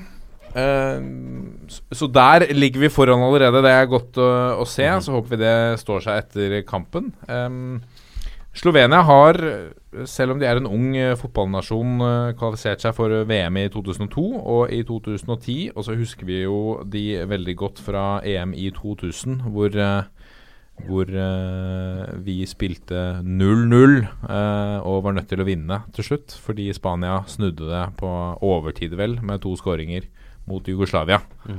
Vi uh, lå jo an til å gå videre fra den gruppa vi sammen med Jugoslavia, hvis, eh, hvis bare Jugoslavia hadde tatt seieren eller blitt uavgjort. Dagens Slovenia-lag mistet sin mest meritterte landslagsspiller, Bostian Cesar, med 101 landskamper og 10 mål. Han ga seg på landslaget tidligere i år. Nummer to på all time high-lista i Slovenia spiller fortsatt på landslaget, Bojan Jokic, og han er med i troppen mot Norge. 92 landskamper har eh, 32-åringen. eh, Og én scoring. Og én scoring.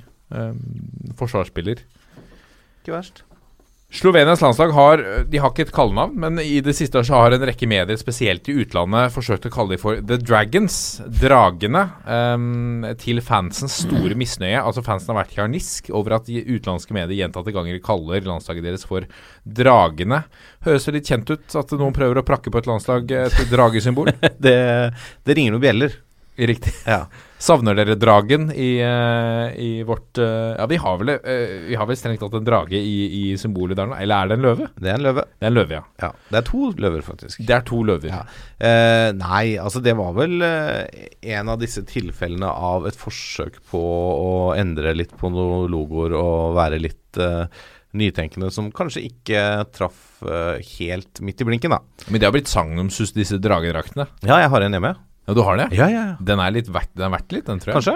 Jeg tror det. Kanskje, eller ikke Kanskje jeg må betale for å bli kvitt den. Det vet jeg ikke. Det, nei, det, Jeg har ikke, jeg har ikke sjekka, sjekka hvordan det landet ligger, da, på en måte. Altså, hva, hva markedet sier om uh, pris på en uh, offisiell norsk dragedrakt. Um, Begrensa opplag, i hvert fall. Begrensa opplag. Men eh, det, når det skal sies, så hadde det jo vært Det blir jo Blir det da Dragekampen? Kampen, Dragekampen? kampen mellom dragene? Uh, nei, jeg vet ikke. Nei. Kommer Erna Solberg uh, utkledd som the mother of dragons på Oi. tribuneplass? Her er det mye som kan skje, altså. Det, ja, kommer Erna Solberg på kamp? Jeg vet ikke. Jeg tror hun skal- jeg tror hun skal til Kina. Ja, riktig. Mm. Eh, Men hvis det er viktige, hvis det er avgjørende kamper her, så kommer hun vel. Men det er ganske Det er ikke så mange bergensere på dette laget, da, så det, hun holder, holder seg kanskje hjemme i kanskje i statsministerboligen. Men, men det er jo en um, Hvis vi ser litt sånn sportslig her, da. Ja. På Nations League-gruppa. Ja. Da vi fikk den presentert eh, for en stund tilbake, så tenkte jo jeg at eh, ja, det blir liksom Slovenia som kanskje blir den tøffeste motstanderen til Norge om å vinne gruppa, da. Ja. De har jo starta med to tap. Det har de. Litt overraskende. Blant annet hjemme mot Kypros, var det ikke? Jo da. Ja, ja de tapte mot Kypros. Ja.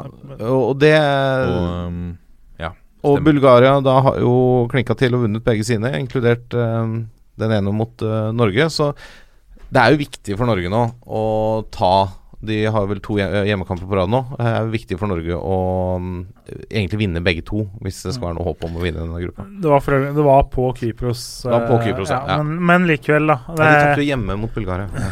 Det gjorde de. det Kypros-laget framsto ikke veldig sterkt på Ullevål, så det var en bra skrell at de slo Slovenia. Ja. Men her, dette er jo kanskje kamp hvor vi er nødt til å gå ut og dominere, da. Og det spørs jo hvor, eh, hvor gode vi er til det. Altså, vi, vi, vi så det mot Kypros, men det er også Vi sleit litt med, å med å skape så veldig mye mer enn enn, eh, de to skåringene. Altså det, det burde stått ganske mye flere mål i, eh, på måltavla der for Norges del. Ja da, det, det er for så vidt et, et poeng, men um, altså hvis du tenker hvis du er eh, nå, da, så vi må jo si at Norge kanskje bør bære et lite favorittstempel i den kampen her, da. Absolutt. Det må jo kunne være greit å si. Eh, da tenker jo jeg at eh, eh, uansett så må du gå ut på banen for å vinne, og så kommer sannsynligvis Slovenia da til å legge seg litt uh, nedpå og, og hindre kontringsrom og sånn. Da får du bruke musklene vi har, da. Uh, på dødballer og på innlegg fra sida. og Så får Joshua King og sannsynligvis eh, ja, kanskje Bjørn Mars Johnsen gå ut og krige litt. Ja, for Bjørn Mars Johnsen var jo en, en spiller som fikk Fikk veldig mye kritikk etter, eh, etter forrige landskap, bl.a. for bommen fra var det fem, seks, syv meter. Ja. Eh, norsk eh, presse slaktet han, mens lag Slagbekk eh, derimot var veldig fornøyd med prestasjonen. Mm, Han kommer jo til sjanser, Bjørn Mars Johnsen, og det er jo også må sies en, en, en stor redning av keeperen. Og så kunne han i etterpåklokskapens lys kanskje satt ballen litt til side. Ja. Men, men det, ting skjer jo fort der. Jeg vil jo si at det er en bra vurdering av Bjørn Mars Johnsen at han tar ned ballen istedenfor å mæle den på direkten. Mm. Eh, At han tar seg tida, og så er han eh, kanskje bedre i lufta enn han er foran mål. Sånn det ser ut uh, foreløpig. Ja. Eh, treneren for Slovenia, Tomas Kavsic, står med én seier og fire tap etter at han tok over i 2017. Da hadde han vært assistent for forrige trener Sreko Katanec, som var trener mellom 2016 og 2017. Før det så leda han uh, U21-landslaget i syv år, så er en eh, er en kjent mann for det, i hvert fall det slovenske fotball, fotballforbundet. Uh, han innehar for øvrig rekorden som historiens eldste målskårer i slovensk eliteserie. 38 år og 4 måneder. Der har vi jo en, eh, en mann som går an en høy gang. Vår egen Frode Johnsen ble jo toppskårer i norsk eliteserie som 39-åring. Og er, visste dere det, tidenes eldste spiller Eldste toppskårer i en europeisk klubbturnering. Det er imponerende. Frode Johnsen, Ja. 39 år. Ja, Han er dessverre ikke med der på lørdag. Nei. Han fikk vel en landskamp det året òg? Han fikk landskamp som 40-åring, iallfall. Ja. Året etter, tror jeg. Ja, stemmer det. Ja. Det det. er jo veldig interessant. Det er veldig interessant. Um, ellers så Statistikken mellom Norge og Slovenia tilsier eh, altså er i Norges eh, favør. Vi har syv seire. Slovenia én, og en, ett oppgjør har endt eh, uavgjort. Uh, forrige møte var i 2013. Da vant Slovenia 3-0. Eh, I 2012 så slo vi de 2-1. Da var det eh, Markus Henriksen og deretter Jon Arne Riise i det 90. minutt som, eh, som satte inn straffesparket, mener jeg å huske. Ja, Var det en straffe han bare hamra i midten av mål der, etter masse kritikk i media i forkant og Mye følelser i den straffa. grining på tribunen og var ikke måte på? Ja. Blant noen familiemedlemmer der? Ja, det stemmer. Blant spillerne å se opp for eh, hos eh, Slovenia, så har vi bl.a. Eh, uh, angrepsspilleren Robert Beric, eh, nummer 20, som eh, eh, har spilt i, i Santetien sammen med Søderlund og, og Selnes. Kom dit i 2015, ble senere lånt ut til Anderlecht. Har fått tre kamper for Sankt Etienne i league uh, i år, uh, og har vel uh, nærmere 16 mål på 50 kamper for franskmennene. Sterk, stor, sterk type. Farlig på dødballer, eh, farlig på innlegg fra kanten. Har vel skåra samtlige av de 16 måla for uh, franskmennene fra nesten innafor femmeteren. Så det er en, eh, det er en skikkelig eh, avslutter innafor boks. Bør passe, vi bør passe oss eh, for han. Eh, vi skal ikke la oss helt lure av at, at dette laget sånn overall er nok langt svakere kanskje enn norske, men de har også en, en midtbanespiller her, Mia Sajc, som eh, spiller for Empoli. Eh, midtbanespiller, offensiv sådan. Teknisk type, god med beina, god avslutter. Eh, veldig farlig på, på skudd fra 20 og inn, og en veldig god frisparkfot som han har vist fram i Empoli i serie, serie A så langt. Serie A, ikke sant? Empoli. Ja. Det er korrekt. Ja, det er korrekt. ja Følger bare norsk ball. Tapte 0-2 er vel for Roma i helgen, tror jeg. Stemmer. I en eh, slags Var det Jeg så var Sajc som var ute og kalte det et slags lokalderby. Eller i hvert fall et eh, slags uh, ordentlig rivalderby me- mellom de to lagene. Uh, men det er altså en spiller nummer ti der å, å se opp for. En, uh, altså er 24 år, har bare syv landskamper, men en, en stjerne på det slovenske laget. Eh, våre egne gutter, da. Hvilke Skal vi, skal vi gå gjennom en, et, et slags lag? Skal vi prøve å sette opp en uh, Altså, i mål vi, Det er vel ikke uh, Det er vel neppe trolig at Eirik Holmen Johansen tar plass mellom stengene. Nei, og det er jo Jeg ser det har vært litt kritikk i Twitteratet på at han ble plukka ut f.eks. For foran Ranheim-keeper Barli. Eh, men det her er jo en sånn klassisk eh, Vi skal ha en tredje keeper i troppen til å være med på trening. Så henter vi en som ikke har så langt å reise, eh, tenker jeg. Tenker du det? Ja, jeg, jeg får litt den følelsen. Ja. Jeg tror ikke han er tatt ut fordi han har vært den beste norske keeperen etter de tre, tre som har vært i landslagstroppen tidligere, og eh, etter André Hansen som har takka nei. Nei. Eh, jeg tror det ligger litt andre ting bak der, og de er ikke henta fra U21, for at de har vel noen viktige kamper. Eh, så så jeg, jeg, jeg tror ikke vi skal legge så mye i det uttaket.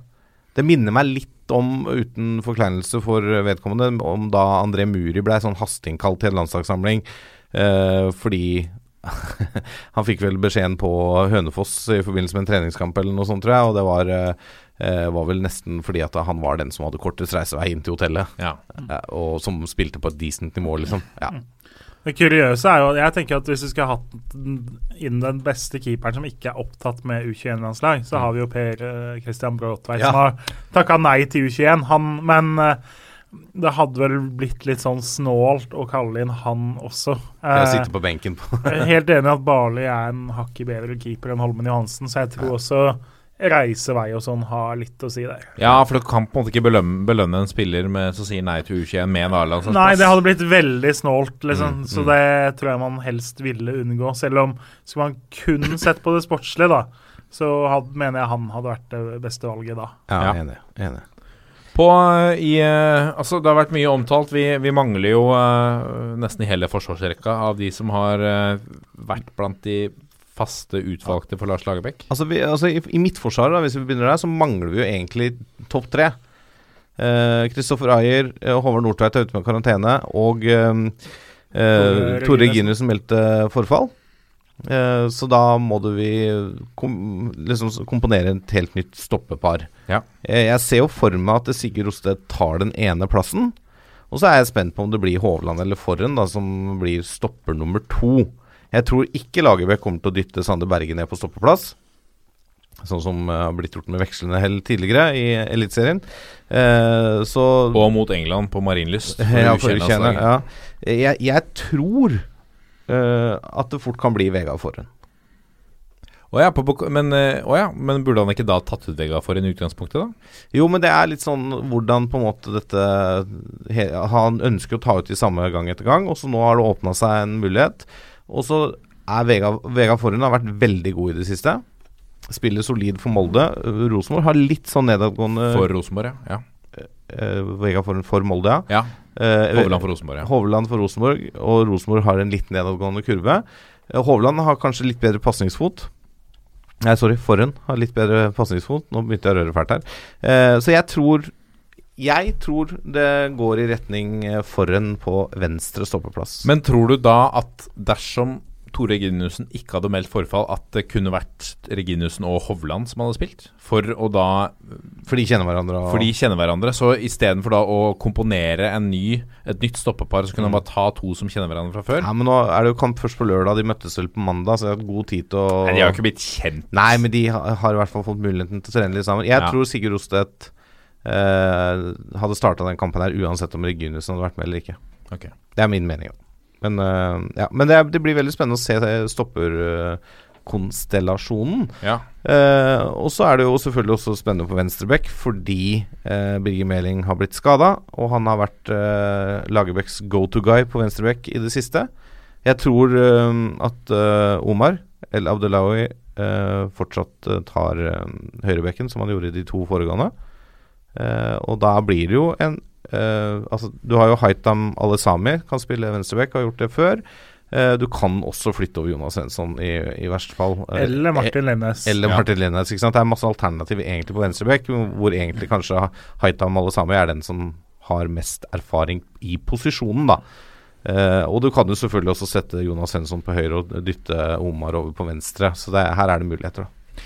Men hvis vi skal konkludere da med en, en forsvarsfirer Vi har Rosted på stoppeplass, og ved siden av han, hvem uh, foran var Vangsteins eh, ønske Eh, eh, Vangsteins tips. Ok, ja ok Skal vi gi et tips her, eller et ønske? Det må vi avklare umiddelbart.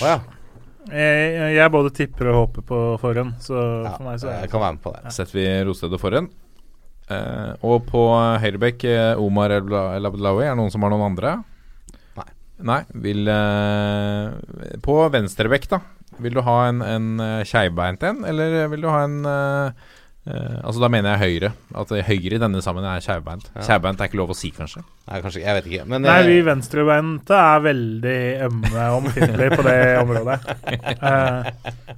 Uh. Hva, hva Da spør jeg deg, da, siden du har eh, hva skal jeg si, ekspertise på, på venstresiden, eh, Kjernås. Hvem vil du ha på venstresiden? ja eh, Nei, jeg veit ikke. Nei, altså Martin Linnes har jo spilt litt her før, og jeg syns det er mer naturlig å se for meg at han blir flytta over enn Svensson.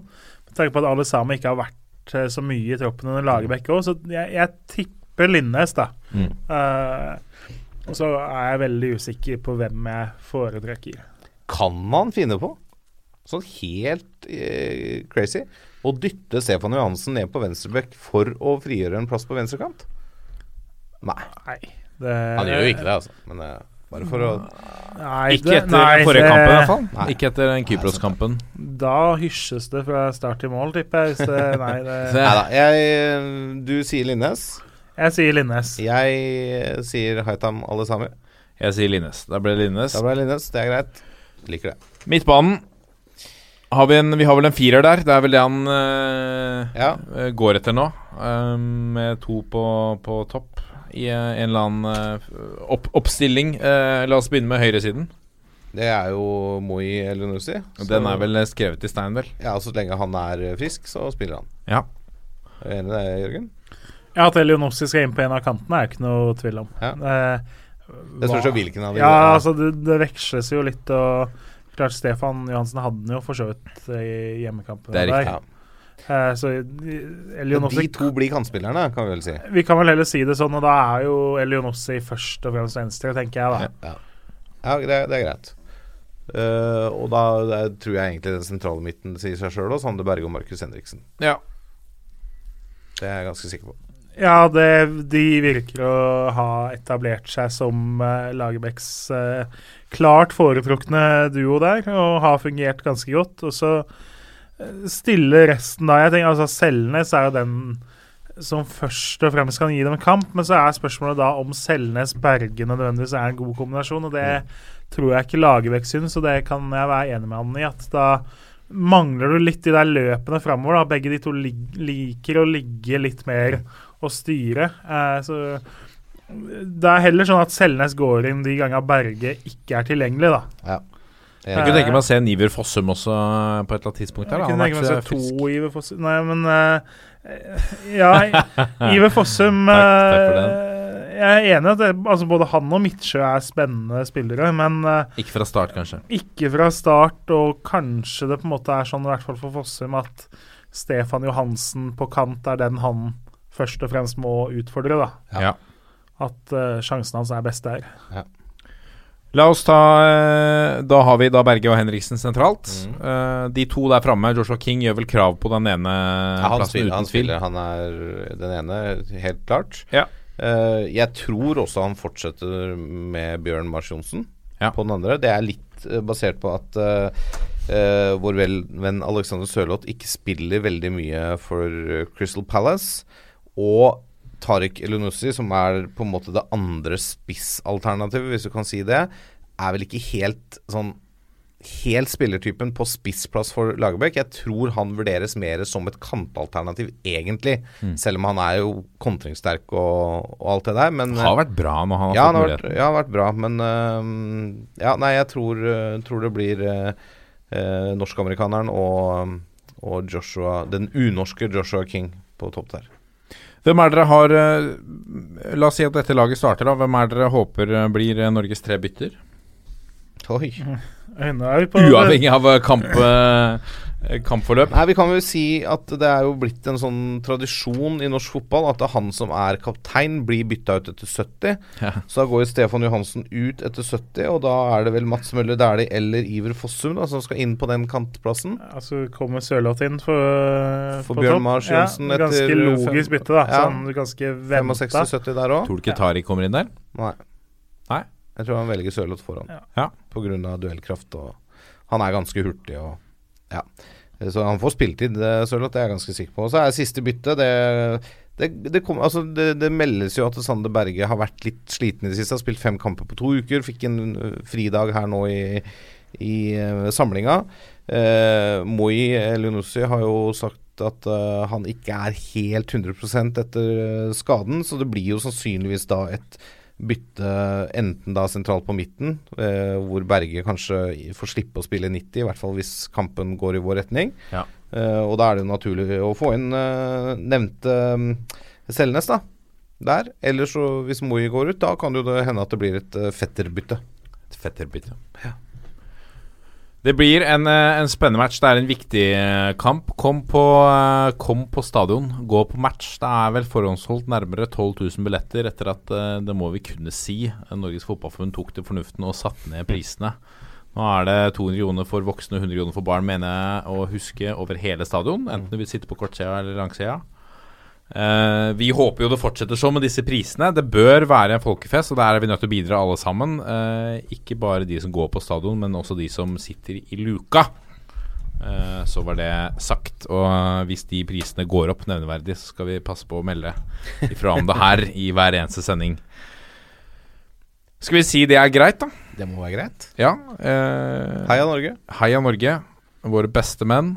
Um, selv om vi savner noen i forsvar akkurat nå, så har vi Jeg vil jo si at de vi har fått inn her, er, er gode erstattere. Solide spillere. Eh, og så er jo Nordtveit tilbake til neste kamp. Absolutt. Og så er det jo god norsk om at Forsvaret nedgraderes eh, for tida, er det ikke det? Så det Oi, oi, oi.